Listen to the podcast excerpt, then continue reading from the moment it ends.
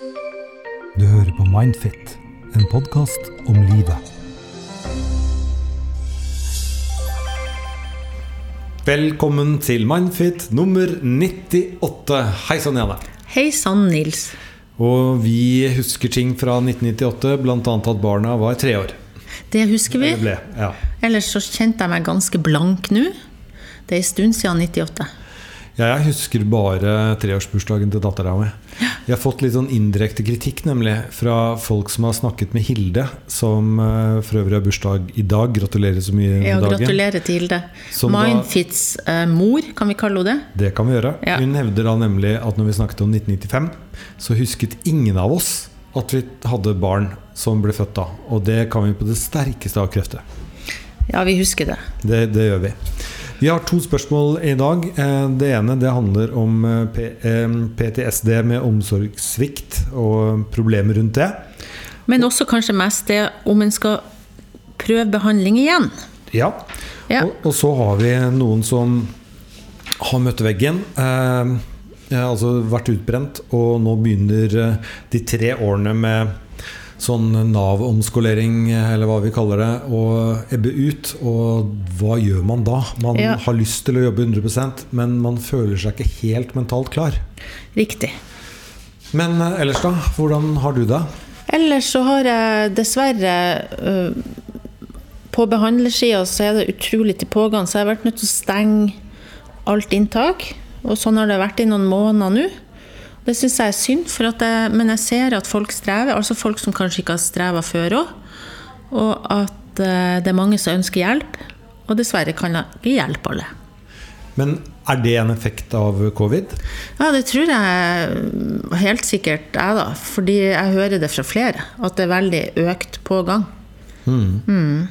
Vi ser også på, på jobben vår at uh, altså man merker at folk har jobbet på hjemmekontor i over et år. Ja, det er sant. Uh, så, så det blir en slags sånn jobbensomhet som uh, Ja, for at, altså, Det gikk vel bra i starten, og så mobilisere en, og så skal vi ikke skjære alle over en kam. Men jeg tror det, det å kunne av og til gå på jobb, det kunne ha den valgfriheten som nå blir fra, du blir fratatt. Ja.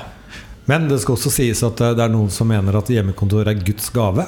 Ja. Og de kommer aldri til å komme tilbake. Eh, og det får de lov til. Ja. Mens andre overhodet ikke klarer å jobbe hjemme. Jeg er en av de. Jeg tror, Nils, at, at øh, altså, belastninga med covid er veldig ulikt fordelt i samfunnet vårt. Så at noen har, har, har det helt greit og, og merker ikke så mye til det, mens andre igjen har vært veldig mye mer belasta med det. Eh, og nå var det jo en vaksine som ble forbudt, så det betyr at eh, smitte, eller vaksineringen kommer til å ta lengre tid. Så det betyr kanskje at en del av de festivalene som vi trodde kunne Ja. eh, bli avholdt, ikke kan det. Ja. Men du har fått eh, vaksine. Ja, som helsepersonell så fikk jeg det nå nylig. Gratulerer. Ja, jeg, jeg tok vaksine, jeg, da. Uh, og jeg tenker også at uh, Jeg tenker jo at det er en forutsetning for at vi skal få åpna opp igjen. Ja. At vi tar vaksinen. Eh, og jeg har jo tillit til myndighetene på akkurat det her, for jeg syns de har vært veldig åpne om bivirkninger og ja, tatt det på alvor. Eh, men jeg vet mange frykter det òg. Så vi får nå se. ja det er, jeg tar den i hvert fall hvis jeg får den. Ja, Uten å tenke på det. ikke sant. Det har gått bra med meg da jeg overlevde vaksinen. Og hvis noen hører noen sånne eh, lyder i bakgrunnen, så er det ikke noen spøkelser. Det er eh, folk som sitter innerst i gangen, og som er på jobb. Vi spiller jo inn dette i eh, reklamebyrået Bennett. Bra. Da leser jeg første spørsmål. Hei, Ja. hei dere. Jeg har et spørsmål som handler om å vite om man bør, bør forsøke terapi på nytt eller ikke. Jeg har fått diagnosen PTSD etter omsorgssvikt. Jeg er i slutten av 20-årene og såkalt vellykket, med samboer, hus og en god jobb, og fra utsiden ser det nok ut til at jeg mestrer mye. Jeg føler likevel jeg henger etter andre på flere områder. Jeg har forsøkt terapi tidligere. Jeg fikk behandling på en DPS, men synes dessverre at behandlerbyttene gjorde at jeg syntes dette var vanskelig å få nok tillit til behandleren min. Jeg var til sammen på DPS-en i ca. 1 12 år, og hadde tre ulike behandlere ettersom behandlerne byttet jobb underveis. Noen ting ble bedre i løpet av behandlingen. Jeg har færre mareritt og litt mindre angstsymptomer. Jeg husker at jeg i behandlingen min fikk en veldig sterk opplevelse da jeg opplevde at behandleren min hørte på noen av mine mest skamfulle og smertefulle opplevelser, og så på meg med eh, blikk av aksept og medfølelse og fortalte om hvordan hun opplevde å høre på det jeg fortalte. Dessverre måtte hun bytte jobb. Jeg fikk en ny behandler som mente at jeg ikke burde fortelle om disse hendelsene fordi det som har skjedd, har skjedd, og er ikke noe vi får gjort noe med. Han mente at jeg ikke skulle gruble på dette nå, og sa jeg egentlig virket ganske frisk. Vi avsluttet dermed terapien. Jeg har fremdeles mye muskelsmerter, som eh, behandler fortalte kunne være fordi jeg er anspent konstant. Jeg er hele tiden på vakt for å se om noen rundt meg viser antydning til å bli sint, og jeg tør ikke dele følelsene mine med mine nærmeste. Jeg prøver hele tiden å ikke være til bry for andre.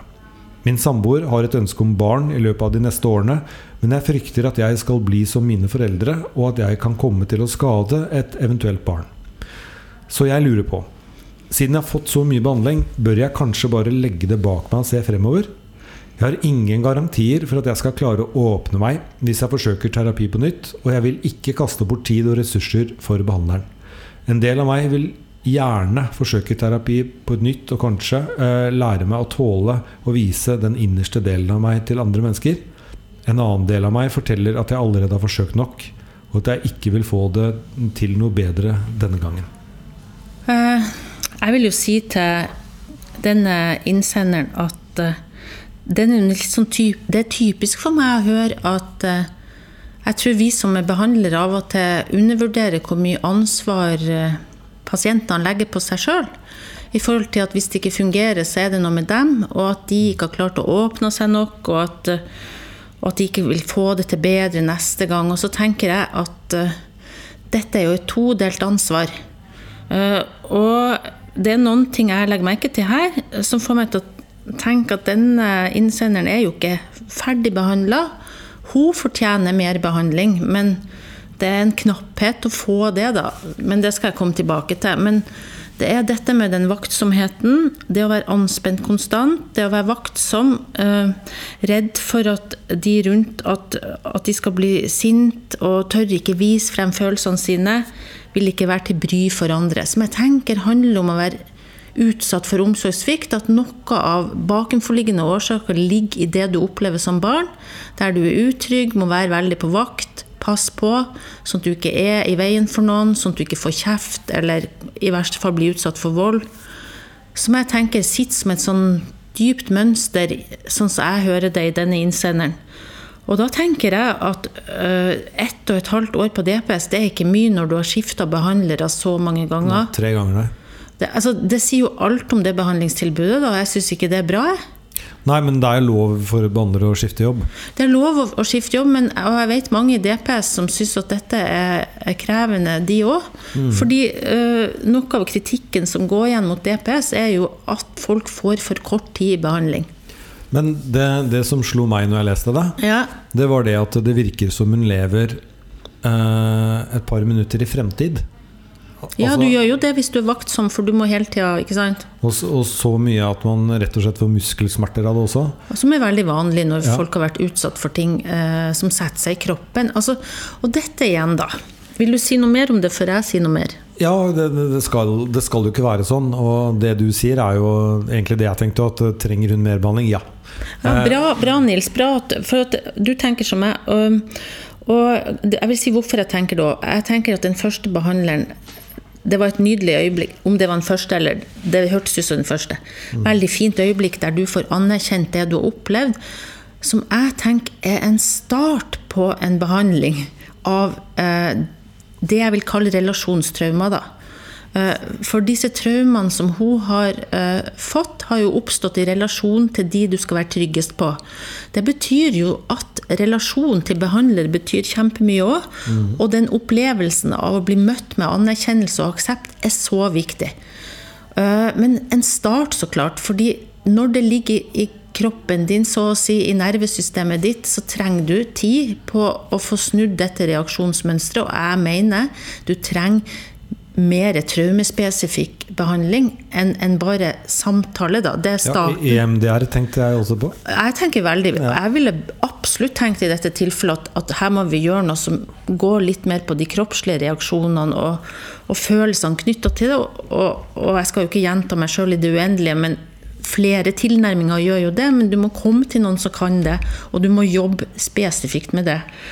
Så jeg, så kommer du til behandler to, som helt klart er en kognitiv terapeut, og det er mye fint med det. Jeg også jobber jo litt etter de prinsippene, at en må prøve å, å få litt fred fra grubling og, og legge fra seg ting. Men det må jo sies til folk på en måte som gjør at ikke du får det til å høres ut som at du må skjerpe deg og slutte å tenke på ting og, og liksom ta deg sammen. Så jeg syns ikke det høres ut som det ble så bra. Nei, og igjen, der er det ansvaret som er selvfølgelig størst hos terapeuten bestandig. Jeg tipper at terapeuten ikke mente det, men, eh, men Ja, å, jeg å, å, tror forstå, ikke- å forstå at ja. det kan oppfattes sånn. Riktig, Nils. For at jeg òg tror jo at den terapeuten, håper jeg da, men jeg regner med det, i utgangspunktet prøvde å hjelpe, og at den vet at, at for mange som har hatt det vanskelig, så, så blir de ofte kvernende på ting. Eh, Og de kverner og de kverner, og det opprettholder på et vis noen av plagene deres òg. Og at eh, det er fint å kunne øve seg på å legge det litt bort, få pause fra det. Ikke hele tida altså behandle tankene sine og følelsene sine mer som noe som kan du kan ha avstand til innimellom. Men hvis, hvis den behandleren ikke mente det, så er det allikevel sånn at når du jobber på det viset, så skal du være veldig oppmerksom på at sånn kan det oppfattes. For dette hører jeg jo folk fortelle meg. At sånn oppfatta de det når de gikk i den behandlinga. Og det syns jeg er veldig synd. Og, og, og det betyr at jeg tenker den behandlinga som har foregått, har jo ikke nødvendigvis foregått i ett og et halvt år. Nei. Så vår oppsummering eh, til innsenderen der Trenger du mer behandling? Ja. Eh, Men du kan også utforske andre behandlingsformer enn eh, ren sånn eh, skal- kognitiv behandling. Eh, Du kan sjekke ut EMDR f.eks. Og, og spørre om det. Altså EMDR er jo noe du kan få tilgang altså Du kan søke opp det. Så finnes det også mer følelsesorienterte terapiformer. Eksponerings... Altså, nei, traumefokusert Altså det er en Hva heter det nå igjen? Eh, Ikke eksponeringsterapi. Nei, det var ikke eksponerings- eh, Det motsatte av det må det være. Nei, jeg tenkte mer på uh, dette med å få bearbeida det med å eksponere seg for det en har vært utsatt for. Men jeg kommer ikke på ordet i farta, kanskje jeg kommer på det etter hvert. Ja. Uh, uh, uansett, det fins måter å jobbe med det her på.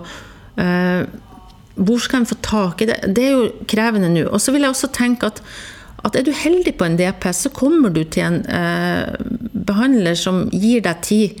Eh, dessverre er jo DPS-ene under veldig sånn sterkt press hele tida på å ta inn nye pa pasienter. Og det gjør at de eh, ofte får litt for høy sånn ja, folk må ut kanskje før de er klar for det, så jeg tror ikke det er noe vond vilje med det, men systemet eh, gjør litt det her noen gang. Eh, du kan få den hjelpa på en DPS, men du kan også oppleve det som denne innsenderen har opplevd, at det bare blir masse bytter og sånn.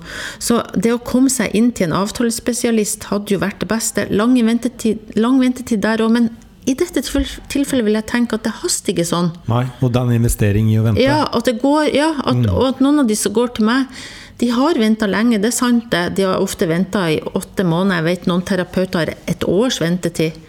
Og jeg vet også nå at noen ikke tar i noen i det hele tatt. Men ikke gi opp håpet her. Eh, hvis du først får napp et sted, hvis du syns ventetida virker lang, bare hold ut. Fordi eh, når du endelig kommer inn, så vil det kanskje være verdt det. Og, og der vil du kanskje få den muligheten da, til å gå over tid. Og uten å ruinere deg. For at folk som har penger, de kan jo gjøre det her helt privat. Det håper jeg var eh, et eh, svar som eh, du tar til etterretning. Kjære innsender, søk mer terapi. Ja. Da går vi over til det program 98s eh, spørsmål nummer to. ja. Jeg leser. Jeg har vært utbrent for noen år siden. Jeg sliter fremdeles med å komme tilbake i full jobb. Jobber imellom 60 og 70% nå. Jeg har prøvd yoga, mindfulness, som var bra. Trening, kostholdsendringer, tankeviruskurs. Oi, er det et ord? Ja, vi kan, vi kan snakke om tankeviruskurs Ja, etterpå.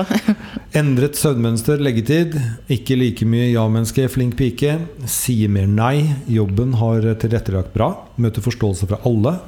Hva kan være siste dytt for å få helsen tilbake? Det er tre år siden jeg ble utbrent. Har vilja stål og er veldig motivert for å komme tilbake i 100% stilling. Men kropp og hode sier nei når jeg prøver meg på mer jobb. Er det håp? Flere virkemidler og teknikker jeg kan prøve. Jeg kjenner flere i samme situasjon som er like rådville. Legen vet jo ikke hva de skal gjøre med oss, annet enn å gi det tid. Men Nav har ikke like god tid. AAP går ut om ti måneder, og jeg er avhengig av pengene for å forsørge familien. Enslig mor. Håper på gode og revolusjonerende råd. Takk for denne podden. Du, nå må jeg si, Nils, at nå har det arket mitt med notater satt seg fast under mikrofonen, så nå er jeg nødt faktisk å flytte. Ja, bare flytt i vei, du. Du liker jo ikke sånt, jeg vet det. Nei, nei, men vi har bare sånn dogme på at vi aldri klipper. Ja, sånn. Som egentlig er latskap fra min side. Ja da, greit. Eh, Jeg hadde lyst til å ha med dette, fordi i det siste har jeg vært i en god del Nav-møter. Og det var ei som går til meg som sa det veldig fint. Kanskje det burde vært en egen diagnose, det der med Nav-angst. Ja. Fordi det er så travelt nå, vet du. Og det er jo ikke Nav sin feil, men det er jo politisk eh, Altså Før var det lengre tid, du fikk lengre tid på arbeidsavklaringspenger. Nå er det flere og flere, opplever jeg, som opplever at når de tre årene er gått, altså at det er for kort tid. ja. For først har du ett års sykmelding, og så skal du på, over på arbeidsavklaringspenger. Og da vil jeg jo si akkurat i dette tilfellet at jeg er jo veldig imponert over at denne personen har gjort så mye, og har kommet seg opp i 60 60-70% stilling, som jeg syns er veldig bra etter å ha vært utbrent. Jeg er helt enig. Ja, Er du ikke enig i det? Jo, det er en vilja stål. Det er jeg veldig eh, enig i. Så jeg vet Men- ikke hva mer personen skal gjøre, men jeg, kan, jeg Jo, men det er noen revolusjonerende råd du må gi. Ja, Det- det- det jeg, har, jeg hadde egentlig mest lyst til å ta med det her for å gi litt honnør til all den jobben som ligger bak å komme seg dit. Og så skal jeg si noe om, om, om noen utfordringer med utbrenthet. Også, men så tenker jeg vi- Tankeviruskurs, hva er det? Ja, det Ja, hadde ja. jeg aldri hørt før. Tankeviruskurs er jo egentlig den eh, kognitivterapien som vi snakka om i sted. Mm. Der du skal jobbe med håndtering av tanker og følelser, altså. Eh, At enkelte tankevirksomheter Du skal liksom prøve å gjenkjenne når du kverner for mye rundt ting, eh, gruble over ting, bekymre deg, så skal du prøve å å håndtere de tankene på en måte som gjør at ikke de får så stor plass. Da. Og så jobber en med det. Jobber ikke så mye med innholdet, jobber mer med å håndtere det. Ja. Du, bare én ting jeg tenkte Ja. på. Eh, I konsulentbransjen f.eks. så har man noe som heter utfakturert tid. Ja. Altså de timene du får solgt til mennesker som vil kjøpe. Ja. Og hvis du ligger da på sånn 60% i hvert fall i de bransjene jeg kjenner, så er det Ja. sånn Det er bra. Her har vi altså en eh, innsender med vilje av stål som jobber 60 og 70 ja. Kan det være at hun egentlig jobber 100? Uh, egentlig jobber 100 Altså hvis hun, er, hvis hun virkelig gir jernet ja. når hun er der, ja.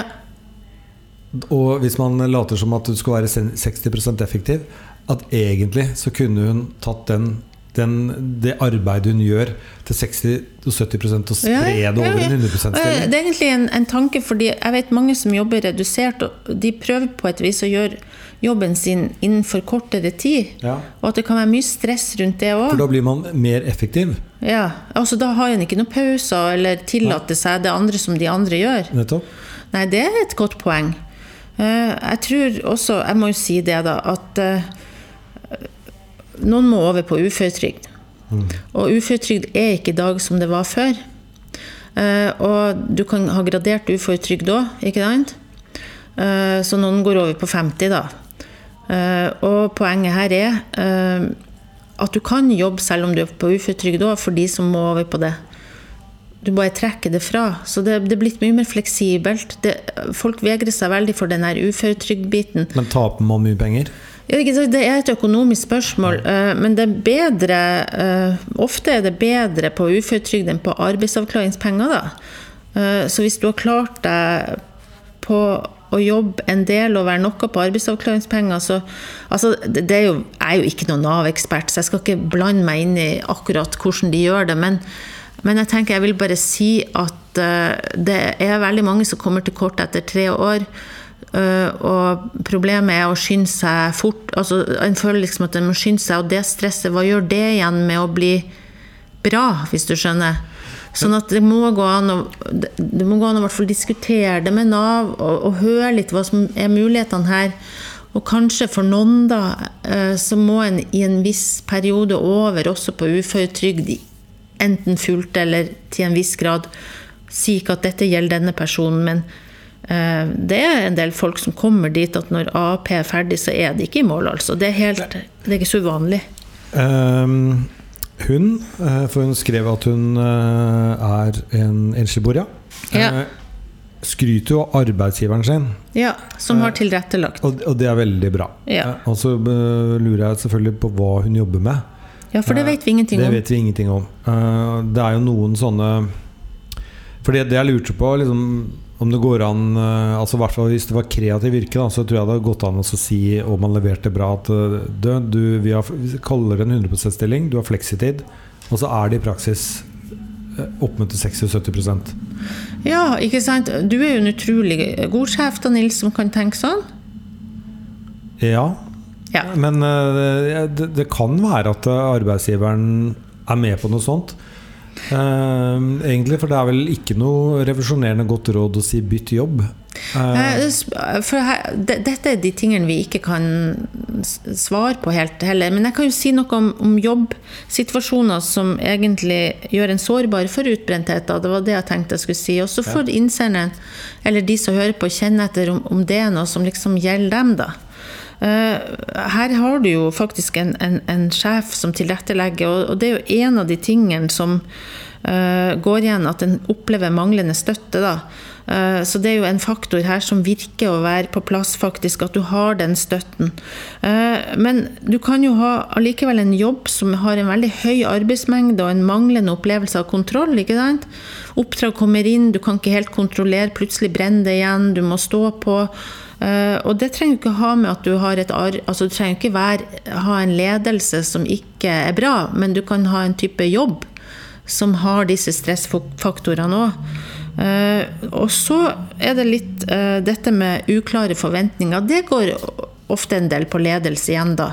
Altså at du har noen som forventer noe av deg, noe annet enn det de egentlig sier, eller du blir veldig usikker på hva er det egentlig denne jobben forventer meg. Og hvis du får knytta det opp mot perfeksjonisme, at du er veldig opptatt av å gjøre en kjempebra jobb, eh, og så vet du ikke helt hva er liksom parametrene for en bra jobb, eller du har en jobb, f.eks. hvis du jobber med mennesker, der, der det er veldig vanskelig uh, hele tida, eller å se Det er ikke så lett å vite om, om det en gjør nytte, da.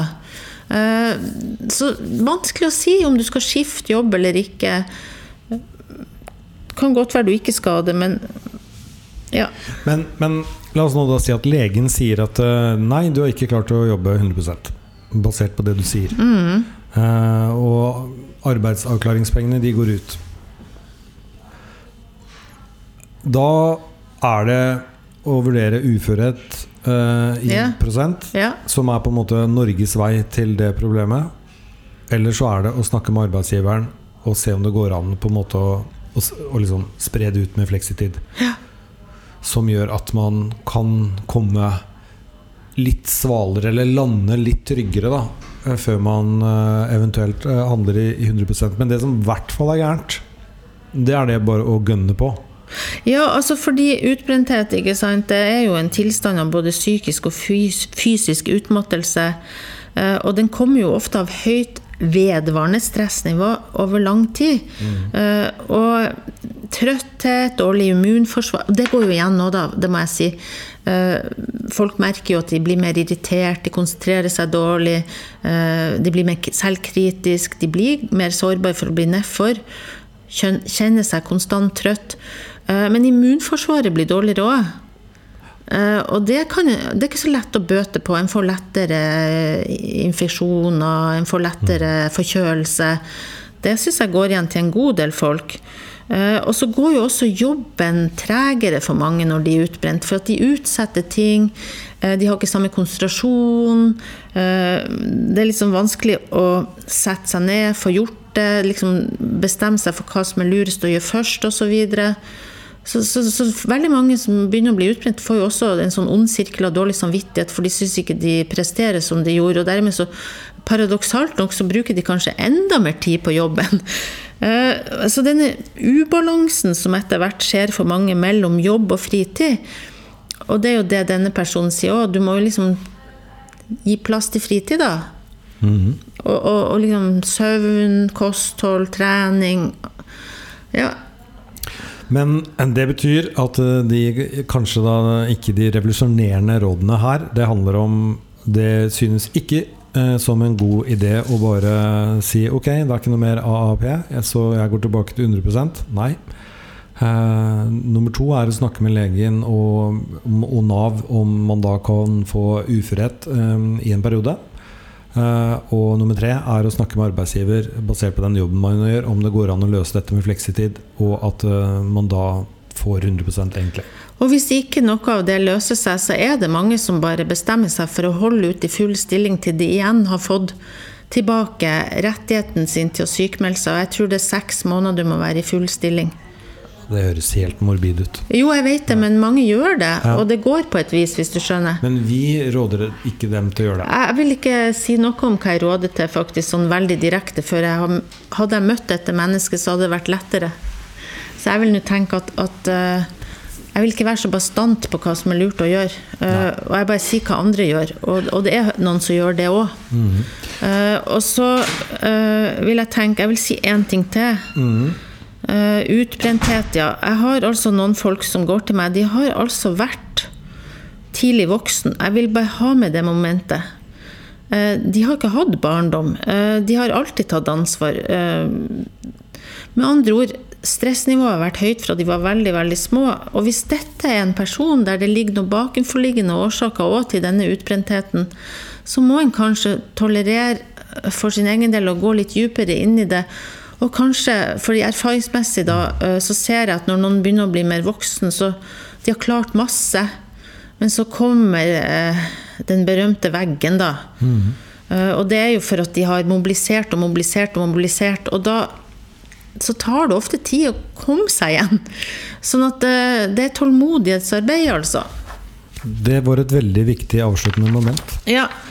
Eh, Da har vi kommet til veis ende i program 98. Det betyr at eh, neste gang så er det program 99. Da må vi prøve å huske noe fra 99, da, Nils. Det kan være hjemmeleksen, og Ja. så håper jeg at alle har det fint. Og tusen takk til de to vi svarte i dag. Og takk til alle dere andre som har svart på spørsmål. Vi høres igjen. Ha Ja, det bra. Ha det. Du hører på Mindfit, en podkast om livet.